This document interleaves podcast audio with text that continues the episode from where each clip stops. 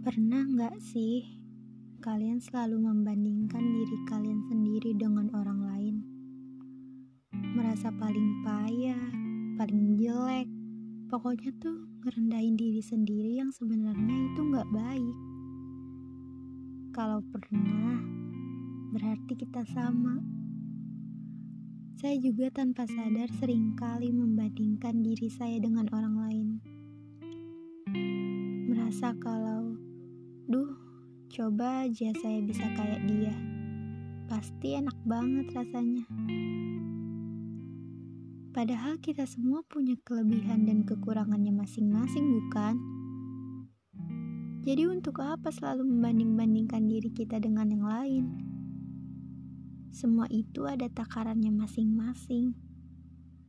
Coba deh, dari sekarang kita mulai mensyukuri apa yang sudah dikasih oleh Tuhan.